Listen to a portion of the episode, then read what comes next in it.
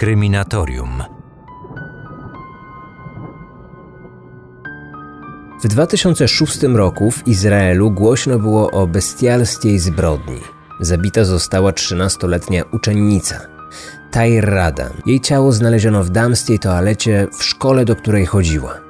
Izraelska policja oczywiście od razu zaczęła szukać mordercy, ruszyło wielkie śledztwo, e, ale od samego początku było ono ostro krytykowane zarówno przez opinię publiczną, jak i nawet przez rodziców zamordowanej dziewczynki. Wciąż pojawiały się wątpliwości, czy policja naprawdę zrobiła wszystko, co tylko mogła, aby te sprawy rozwiązać, aby to śledztwo zamknąć. Dziś przedstawię Wam kulisy właśnie tej sprawy. Kryminatorium. Otwieramy akta tajemnic. Rada miała tylko 13 lat. Mieszkała z rodzicami i dwoma starszymi braćmi na wzgórzach Golan w mieście Kacrin w północnej części Izraela. Była uczennicą ósmej klasy miejscowej szkoły. Uczyła się bardzo dobrze i nigdy nie sprawiała żadnych problemów wychowawczych, ani w szkole, ani w domu. Od dzieciństwa Tair była w centrum uwagi. Uzdolniona muzycznie, uwielbiała śpiewać i tańczyć. Marzyła, aby w przyszłości zostać aktorką.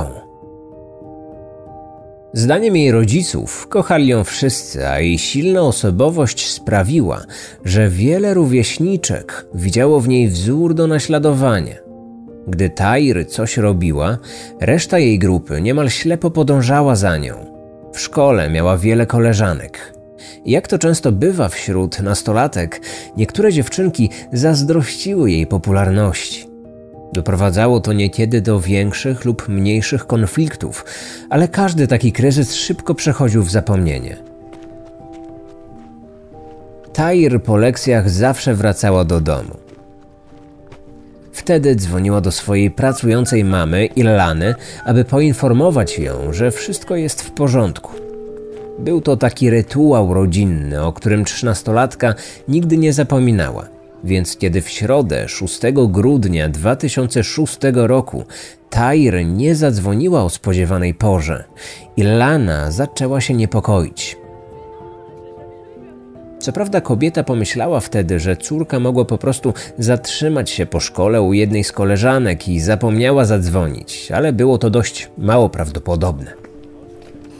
Nie czekając na nic, Ilana sama zadzwoniła do córki. Jeden sygnał, drugi, potem trzeci. Nastolatka nie odbierała komórki. Wtedy kobieta zaczęła już przeczuwać, że coś jest nie tak. Jej obawy zostały wzmocnione jeszcze bardziej, kiedy po obdzwonieniu koleżanek córki okazało się, że żadna z dziewczynek nie wiedziała, gdzie jest Tair. Illana wyszła z pracy wcześniej, aby jak najszybciej wrócić do domu. Miała nadzieję, że zastanie w nim córkę i dowie się, dlaczego dziewczynka się do niej nie odezwała. Po dotarciu na miejsce jej obawy wcale się nie rozwiały.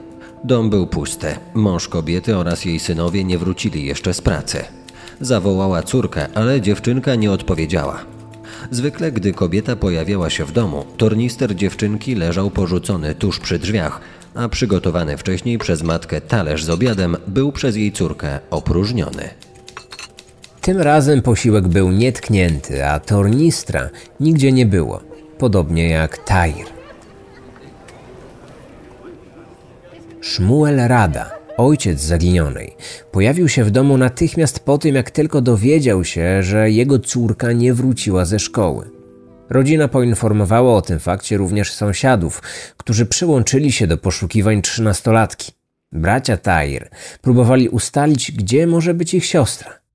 Po rozmowach z jej koleżankami dowiedzieli się, że choć Tair skończyła lekcję o 13, to nie wyszła do domu bezpośrednio po nich.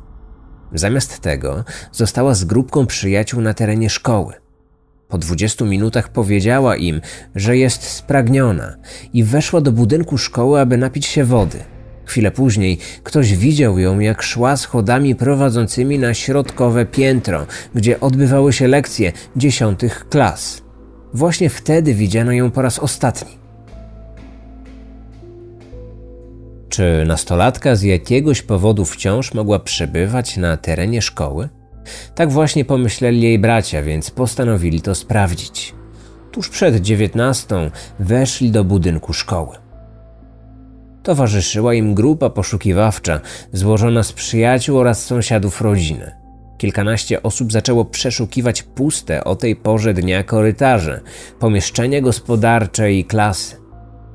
Obecny na miejscu szkolny woźny, zaopatrzony w pęk kluczy, otwierał im wszystkie możliwe drzwi. Na parterze nie było jednak żadnego śladu po Tair. Następnie cała grupa udała się piętro wyżej. Tam postanowiono zacząć od sprawdzenia toalet dla dziewcząt. Wszystkie kabiny były puste. Z wyjątkiem tej jednej, do której drzwi były zamknięte od środka. Wołano i pukano, ale nikt nie odpowiadał. Wówczas ktoś wdrapał się po ścianie, aby zajrzeć przez otwartą górę. To właśnie wtedy dokonano makabrycznego odkrycia. Wewnątrz znajdowało się okaleczone, martwe ciało poszukiwanej nastolatki. Siedziała na opuszczonej klapie sedesu. Miała podcięte gardło i wiele ran kłutych na całym ciele. Podłoga toalety oraz jej ściany były dosłownie wysmarowane krwią dziewczynki. Na miejsce natychmiast wezwano policję. Funkcjonariusze od razu zamknęli teren szkoły. Wiadomość o odnalezieniu w szkolnej toalecie zwłok nastolatki lotem błyskawicy obiegła całe miasto. Przed główną bramą zebrał się wielki tłum ludzi, próbujących dowiedzieć się czegoś więcej o tym tragicznym wydarzeniu. Przed szkołą pojawił się również Szmuel Rada, ojciec Tair. Kilka minut wcześniej odebrał telefon, którego obawiał się najbardziej od chwili, gdy jego córka zaginęła. Zadzwonił do niego najbliższy sąsiad. Człowiek, który brał udział w przeszukiwaniu szkoły. Szmuel usłyszał wtedy, że znaleziono Tair i że dziewczynka jest nieprzytomna, ale on miał już wtedy przeczucie, że nie powiedziano mu całej prawdy. Biegnąc w kierunku szkoły, obawiał się najgorszego. Próbował przecisnąć się przez policyjny kordon blokujący wejście na teren szkoły. Musiał na własne oczy zobaczyć swoją córkę, aby mieć pewność, że to właśnie ona. Nie pozwolono mu na to. Policja odmówiła mu dostępu, ponieważ uznano, że miejsce zbrodni wygląda zbyt przerażająco. Z pomocą ojcu natychmiast ruszyli dwaj jego synowie. Doszło wtedy do przepychanek pomiędzy nimi a kilkoma policjantami. Uspokoili się dopiero wtedy, gdy funkcjonariusze zagrozili im użyciem środków przymusu bezpośredniego. Mieszkańcy Katrin byli wstrząśnięci. Nigdy wcześniej, w dość krótkiej historii ich miasta, nigdy nie doszło do tak makabrycznej zbrodni, której ofiarą byłoby dziecko. Wszyscy zadawali sobie pytanie, jak to w ogóle możliwe, że tak młoda dziewczyna została brutalnie zamordowana i to we własnej szkole. Przecież na co dzień budynek był ochraniany przez uzbrojonych w broń palną strażników. Czy wszyscy uczniowie byli w niebezpieczeństwie? Czy rodzice powinni zabronić swoim dzieciom przychodzenia do szkoły? Policja rozwiała tą wątpliwość, całkowicie zamykając miejsce zbrodni na kilka dni, co skutkowało odwołaniem wszystkich lekcji. Policja rozpoczęła śledztwo, ale już pierwsze jej działania wzbudziły w społeczności zdziwienie, żeby nie powiedzieć otwartą nieufność. Przez pierwsze kilka dni przeszukiwano obszar wzgórz Golan oraz pobliskiej Galilei. Nie znaleziono tam niczego, co mogłoby przyczynić się do schwytania sprawcy. Ludzie byli tym faktem bardzo zdezorientowani. Spodziewali się raczej tego, że policja skupi się na budynku szkoły i na terenie bezpośrednio z nią graniczącym, że przesłucha uczniów i pracowników szkoły. To nastąpiło jednak dopiero wtedy, gdy wyraźnie zaczęła się tego domagać opinia publiczna. Rodzina zamordowanej trzynastolatki od samego początku twierdziła, że zabójcy należy szukać wśród najbliższego szkolnego otoczenia ofiary. Matka Tair już wcześniej słyszała plotki o istnieniu w szkole tajemniczego kultu wyznawców szatana, więc obawiała się, że jej córka mogła paść ofiarą rytualnego mordu. Śledczy stanowczo odrzucili taką hipotezę, jednak skłonni byli przyznać, że zabójcą teoretycznie mógł być każdy, nawet koledzy z klasy. Pierwsze przesłuchanie rówieśników dziewczynki przyniosły nowe informacje. Potwierdziły się relacje o tym, że ostatni raz Tyr była widziana, kiedy wchodziła po schodach na środkowe piętro. Potem wszelki ślad się urywał. Dwanaście uczennic zeznało, że były w toalecie pomiędzy 13.30 a 14, czyli mniej więcej w tym samym czasie, kiedy w jednej z kabin doszło do zbrodni. Jednak policja przesłuchała tylko pięć dziewczyn. Żadna nie słyszała podejrzanych odgłosów walki, która zakończyła się śmiercią ich koleżanki. Pojawiły się także wzmianki o podejrzanych obserwacjach. Bliska przyjaciółka Tyr o imieniu Nofar zeznała, że w pobliżu toalet widziała w tym czasie dziwnie zachowującą się dziewczynkę z kręconymi włosami. Nigdy wcześniej jej nie spotkała, choć twierdziła, że zna większość uczennic tej szkoły. Tajemnicza nieznajoma ubrana była jednak w szkolny ubiór, więc Nofar po prostu założyła, że musiała być w tej szkole nową uczennicą. Inna przyjaciółka ofiary zapukała do zamkniętych drzwi kabiny. W odpowiedzi usłyszała, że jest zajęte.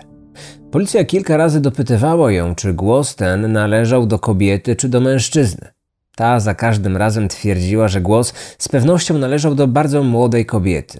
Po przesłuchaniu dziewczynka powiedziała swoim rodzicom, że jej zdaniem policjanci byli bardzo niezadowoleni z odpowiedzi, jakiej im udzieliła. Rodzice Tyre otrzymali wielkie wsparcie od całej społeczności miasta, a mimo to czuli się przytłoczeni i zdezorientowani. Nie mogli uwierzyć, że spotkała ich tak ogromna tragedia. Nie podobała im się również praca śledczych, którzy nagle zaczęli stanowczo odrzucać teorię o tym, że zabójcą mógł być inny uczeń lub uczennica, a do takiej wersji uparcie próbowała ich przekonać matka. O swoich wątpliwościach związanych ze śledztwem rodzice zamordowanej opowiedzieli w jednej z radiowych audycji poświęconych tej sprawie. Usłyszał ją prywatny detektyw, Chaim Sadowski. To zabójstwo bardzo mną wstrząsnęło. Między innymi z tego powodu, że moja córka była w wieku zamordowanej dziewczynki. Dlatego z wielką uwagą śledziłem wszystkie doniesienia prasowe o tej sprawie. Nie podobało mi się to, co robiła policja, a w zasadzie to, czego nie robiła. W końcu postanowiłem skontaktować się z rodziną ofiary i zaproponowałem im swoją pomoc. Rodzina była wdzięczna za okazaną pomoc. Opowiedzieli mu o wszystkich swoich wątpliwościach i spostrzeżeniach. Dokładnie tych samych, których wcześniej policja nawet nie chciała słuchać. Zwłaszcza jedno wydarzenie mocno utkwiło im w pamięci. W dzień pogrzebu dziewczynki, grupa jej przyjaciół przyszła do domu, aby złożyć rodzinie kondolencje. Wszyscy przybyli uczniowie byli pogrążeni w rozpaczy i smutku, z wyjątkiem dwóch koleżanek z klasy. Zdaniem matki, od samego początku te dziewczyny zachowywały się bardzo dziwnie. Stały z boku i przez całą wizytę coś do siebie szeptały. Nie wyglądały na poruszone tą okropną tragedią. Nawet na chwilę nie podeszły do zrozpaczonych rodziców. Wszyscy członkowie rodziny zamordowanej odnieśli wrażenie, że obie dziewczynki coś ukrywają. Ich nazwiska trafiły do notesu prywatnego detektywa. Następnego dnia dotarł on do policyjnych przesłuchań, wśród których znalazł także te złożone przez wspomniane dziewczynki. Detektyw od razu zauważył w nich kilka nieścisłości. Już po tym, jak Tyr została brutalnie zamordowana, widziały one jej tornister w klasie, położony w miejscu, w którym zwykle podczas lekcji siedziała Tyr. Nie zdziwiło ich jednak to, że na lekcji nie było ich koleżanki. Po sprawdzeniu szkolnego grafiku, detektyw odkrył, że obie mijały się z prawdą. Tamtego dnia ich klasa skończyła lekcję godzinę wcześniej. Przesłuchujący je policjanci musieli o tym wiedzieć, a mimo to nie dopytali o te nieścisłości. Być może uznali, że wystraszone dziewczynki pomyliły dni lub godziny. Nikt inny nie widział porzuconego tornistra. W szkolnym dzienniku żaden nauczyciel nie zanotował też o nieobecności Tair na żadnej z lekcji w ostatnim miesiącu. Prywatny detektyw uznał, że obie przesłuchiwane po prostu wymyśliły opowieść o porzuconym tornistrze. Ale dlaczego to zrobiły? Poza tym stwierdziły, że tamtego dnia Tair zachowywała się normalnie i miała świetny humor. Śmiała się i żartowała. Czyżby? Kilku pedagogów powiedziało coś zupełnie innego. Tair od samego rana była wyciszona i sprawiała wrażenie mocno przestraszonej. Na ostatniej lekcji rozpłakała się, a gdy nauczycielka zapytała o co chodzi, trzynastolatka odpowiedziała, że boi się śmierci. Czy już wtedy wiedziała, że jest w niebezpieczeństwie? Czy ktoś jej groził? Detektyw postanowił osobiście porozmawiać z tymi dwiema dziewczynkami. Oczywiście z każdą osobno. Od każdej usłyszał podobną, bardzo dziwną historię o tym, że Tair miała swojego prześladowcę. Nazywał się Avi i miał 18 lat. Pochodził z Tyberiady. Cały czas do niej wydzwaniał i wysyłał SMSy. Miesiąc przed śmiercią trzynastolatki powiedział jej, że jeśli nie będzie chciała być jego dziewczyną, to ją zabije. Dzień przed tragedią przyjechał do miasta i czekał na nią przy szkole, ale Tair nie chciała się z nim zobaczyć. Gdy dzwonił, od razu się rozłączała. Wieczorem wysłał jej ostatniego SMS-a. Jeśli nie będzie z nim, to nie będzie z nikim, bo umrze. Detektyw powiadomił policję o tym tajemniczym wielbicielu, który miał grozić trzynastolatce śmiercią. Śledczy postanowili go odszukać. Ku ich ogromnemu zaskoczeniu, wkrótce okazało się, że nie ma żadnych dowodów na to, że Tair kiedykolwiek się z nim kontaktowała. Co więcej, zdaniem policji, taki ktoś nigdy nie istniał. Prywatny detektyw zaczął zastanawiać się, dlaczego najbliższe przyjaciółki zamordowanej miałyby fabrykować podobną historię. Czemu miało służyć wymyślanie nieznanemu nikomu prześladowcy? Detektyw oczywiście miał swoją teorię. Czyżby dwie dziewczynki, które wcześniej nie były zupełnie szczere podczas składania zeznań, teraz chciały ostatecznie odwrócić uwagę od samych siebie? Tylko po co, jeśli nie miały, jak twierdziła policja, nic wspólnego z tą zbrodnią? Po zapoznaniu się z raportem z sekcji zwłok, prywatny detektyw był niemal przekonany, że Tair została zamordowana prawdopodobnie przez dwie osoby o wzroście i wadze zbliżonych do ofiary. Swoimi wątpliwościami podzielił się ze śledczymi. Wskazywał na krwawe ślady dwóch różnych par butów o rozmiarze młodzieżowym, sfotografowane na miejscu zbrodni. Zaapelował o pobranie od wskazanych uczennic próbek DNA oraz odcisków palców. Policjanci obiecali zająć się tym jak najszybciej, ale nigdy tego nie zrealizowali. Mieli już wtedy na swoim radarze zupełnie innego podejrzanego. Ich zdaniem dużo bardziej prawdopodobnego niż kilka małych dziewczynek w szkolnych mundurkach.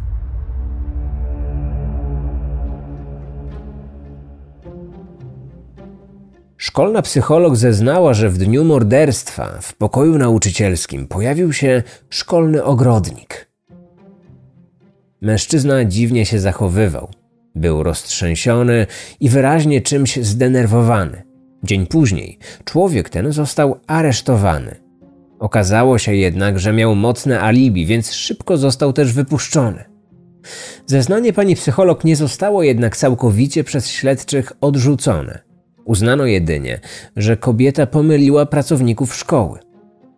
Pochodzący z Ukrainy robotnik budowlany Roman Zadorow zatrudniony był w placówce jako złota rączka i był bardzo podobny do tego ogrodnika. Policja poprosiła go o dostarczenie ubrania, które miał na sobie w dniu morderstwa. Chcieli zbadać, czy są na nim ślady krwi ofiary. Zadorow odmówił, twierdził, że je wyrzucił. Od razu stał się głównym podejrzanym.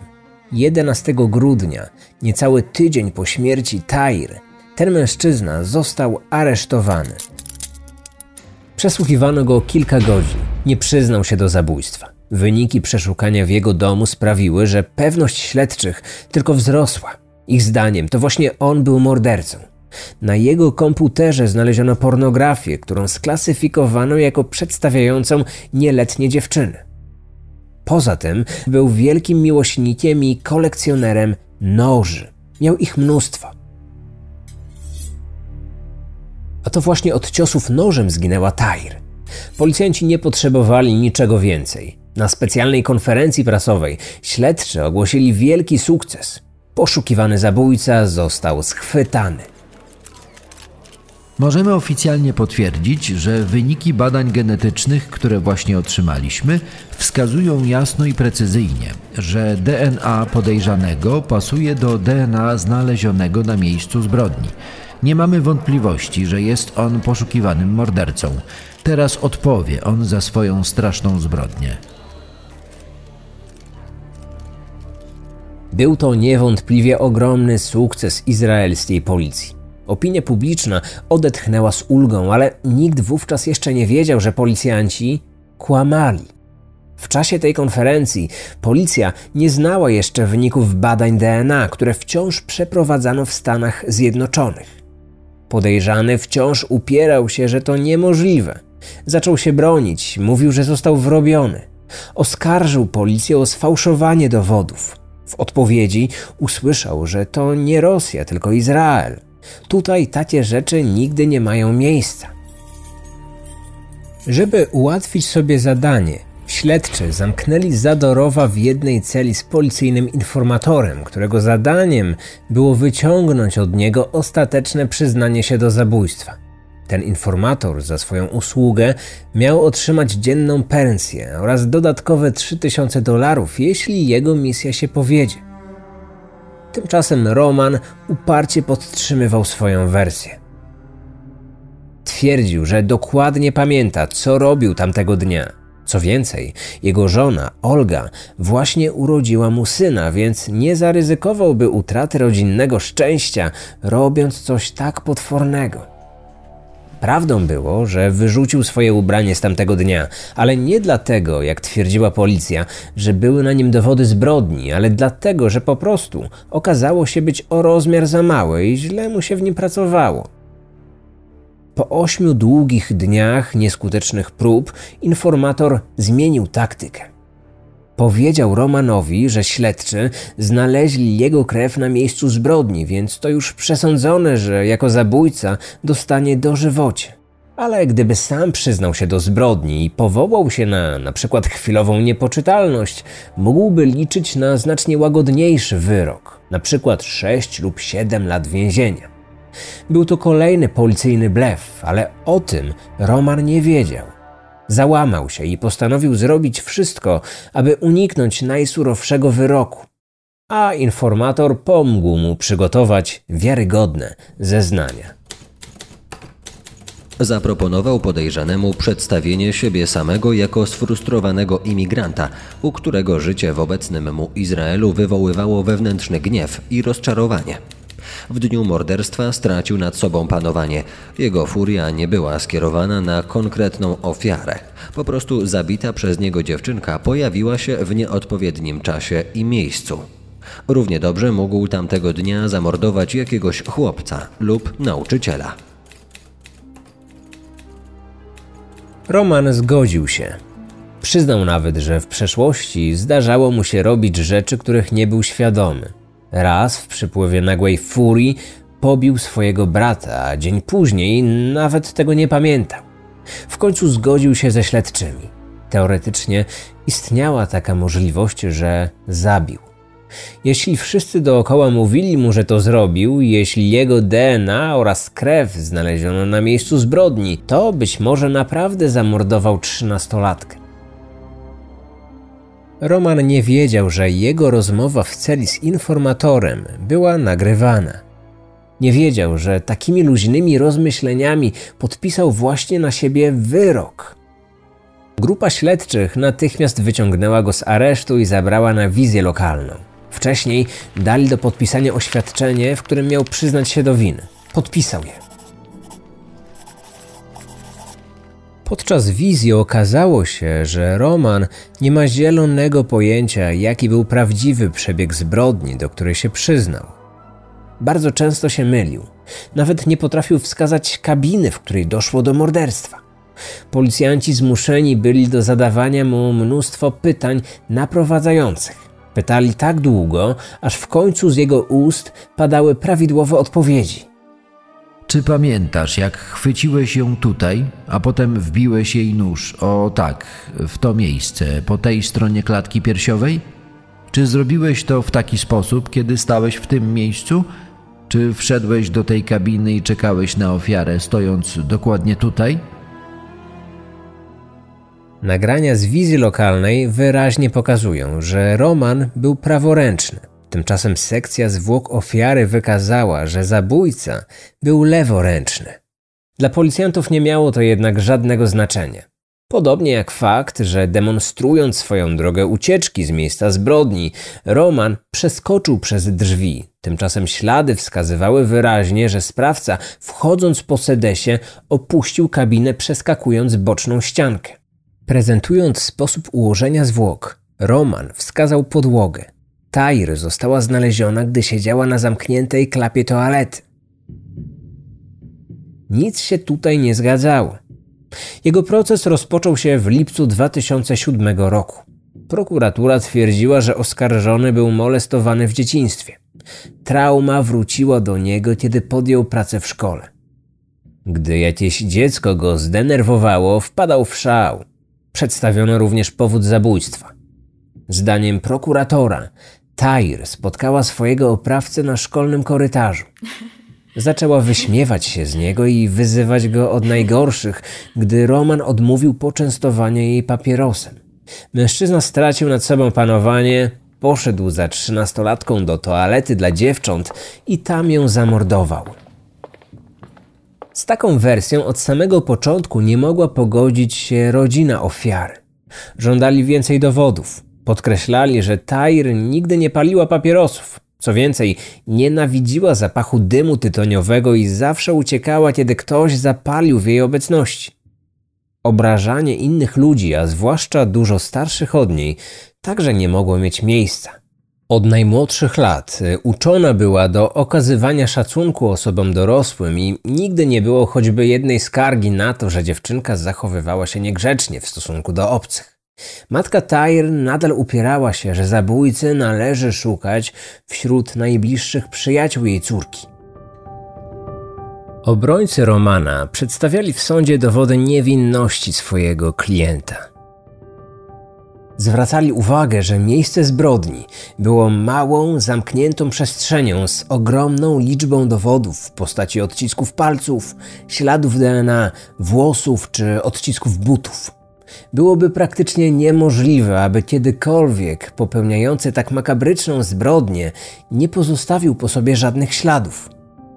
Tymczasem żaden, żaden z 60 odcisków palców nie należał do oskarżonego. Trzy włosy pochodziły od trzech różnych osób. Jeden z nich, długi i czarny, znaleziono na dłoni ofiary. Mógł on należeć do kobiety czy do zabójcy? Tego już nie sprawdzono. Zlecono co prawda wykonanie testów DNA, ale prokuratura kazała przerwać te badania zaraz po tym, jak Roman przyznał się do popełnienia zbrodni. Specjaliści oszacowali czas zgonu na godzinę pomiędzy 13.30 a 14. Roman o godzinie 13.23 stał przy szkolnej bramie i rozmawiał przez telefon, co potwierdziło w sądzie dwóch ochroniarzy. Później, tuż po 14, pojawił się na szkolnej stołówce. Jego ubranie było czyste, bez żadnych śladów krwi. Następnie Roman do godziny 17.30 kładł płytki w szkolnej piwnicy, a gdy skończył, wyszedł do domu. Wszystko zostało potwierdzone przez świadków.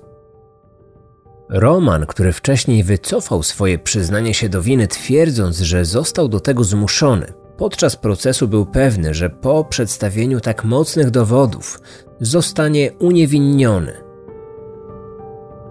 Izraelski sąd był całkowicie innego zdania. Zeznania świadków obrony sędzia nazwał kłamstwami pełnymi manipulacji. We wrześniu 2010 roku, cztery lata po śmierci Tair, Roman został uznany winnym zarzucanej mu zbrodni i skazany na dożywotnie pozbawienie wolności. Miesiąc później obrońcy skazanego złożyli apelację. Jednak dopiero trzy lata później udało im się doprowadzić do ponownego przesłuchania świadków. Sprowadzono czołowych amerykańskich ekspertów medycyny sądowej, którzy pod przysięgą dowodzili, że rany na ciele ofiary zadane zostały nożem ząbkowanym, a nie zwykłym i gładkim, jaki znaleziono przy Romanie i który uznano za narzędzie zbrodni. Ślady butów na miejscu zbrodni nie pasowały do butów Romana ani innych osób dorosłych. Ich rozmiar wskazywał wyraźnie na kogoś w wieku zbliżonym do zamordowanej dziewczynki. Sąd uznał to wszystko za niewiarygodne, a następnie podtrzymał wyrok dożywocie. Tym razem sprawa odbiła się głośnym echem w izraelskich mediach.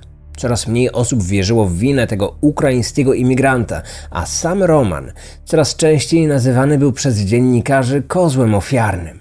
Izraelscy profesorowie prawa skrytykowali wyrok sądu. Zwykli obywatele także dawali upust swojemu wielkiemu niezadowoleniu.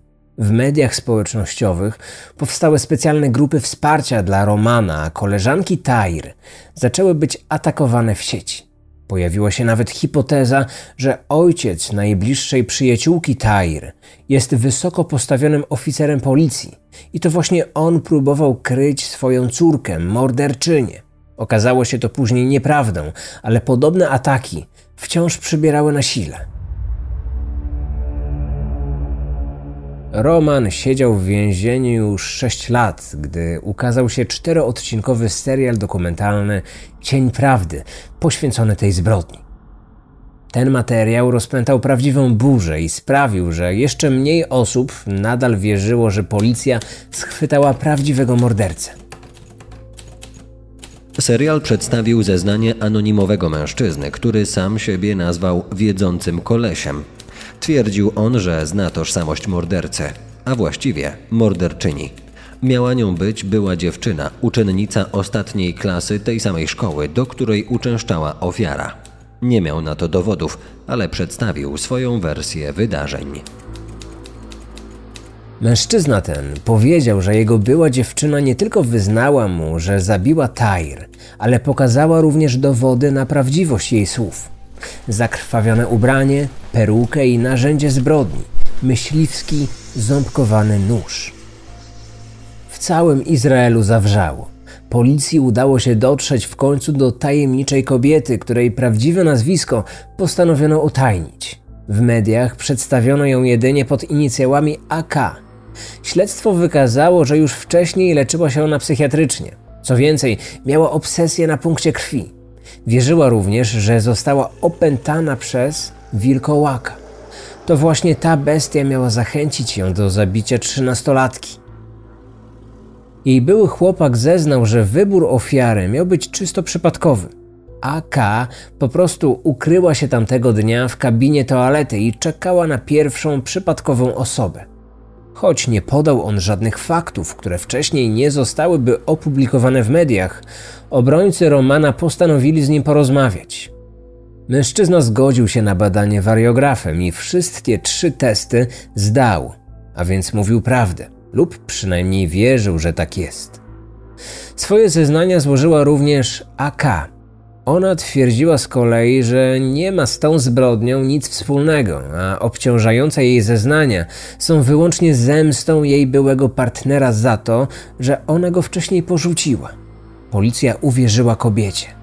Oskarżający ją mężczyzna został aresztowany za utrudnianie śledztwa i składanie fałszywych zeznań.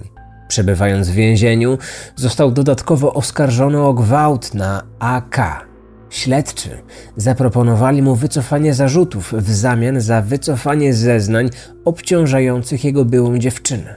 Jego odpowiedź zaskoczyła wszystkich. Moje słowa są świętą prawdą. Zamierzam się zabić i napisać własną krwią, że to ona zabiła dziewczynkę. Jeśli potrzebna jest eksplozja, by społeczeństwo dowiedziało się, kto zamordował dziewczynkę, Jestem gotowy stać się tą eksplozją. Izraelski oddział Organizacji Praw Człowieka opublikował raport, w którym skazanie Romana wprost nazwane zostało najgorszą pomyłką izraelskiego systemu sądowniczego. I choć protesty z roku na rok stawały się coraz głośniejsze, Roman wciąż siedział w więzieniu, bez szans na jakąkolwiek sprawiedliwość. Nawet gdy w roku 2018 doszło do kolejnego zwrotu akcji, kiedy na jaw wyszły zupełnie nowe dowody.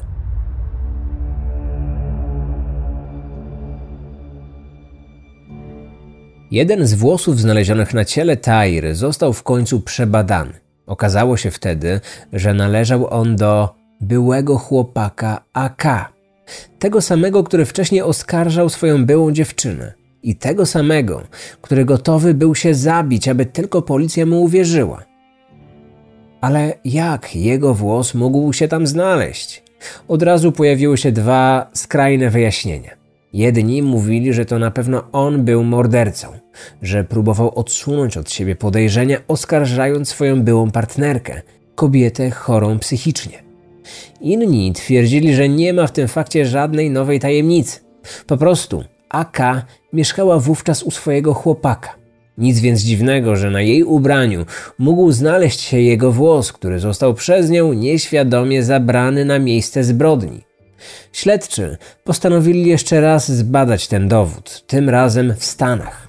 Od tego czasu minęły już cztery lata, a wyniki tych badań wciąż nie zostały podane do wiadomości publicznej. Kolejne procesy w sprawie zabójstwa Tyre wciąż toczą się, a sprawa nie jest jeszcze zamknięta.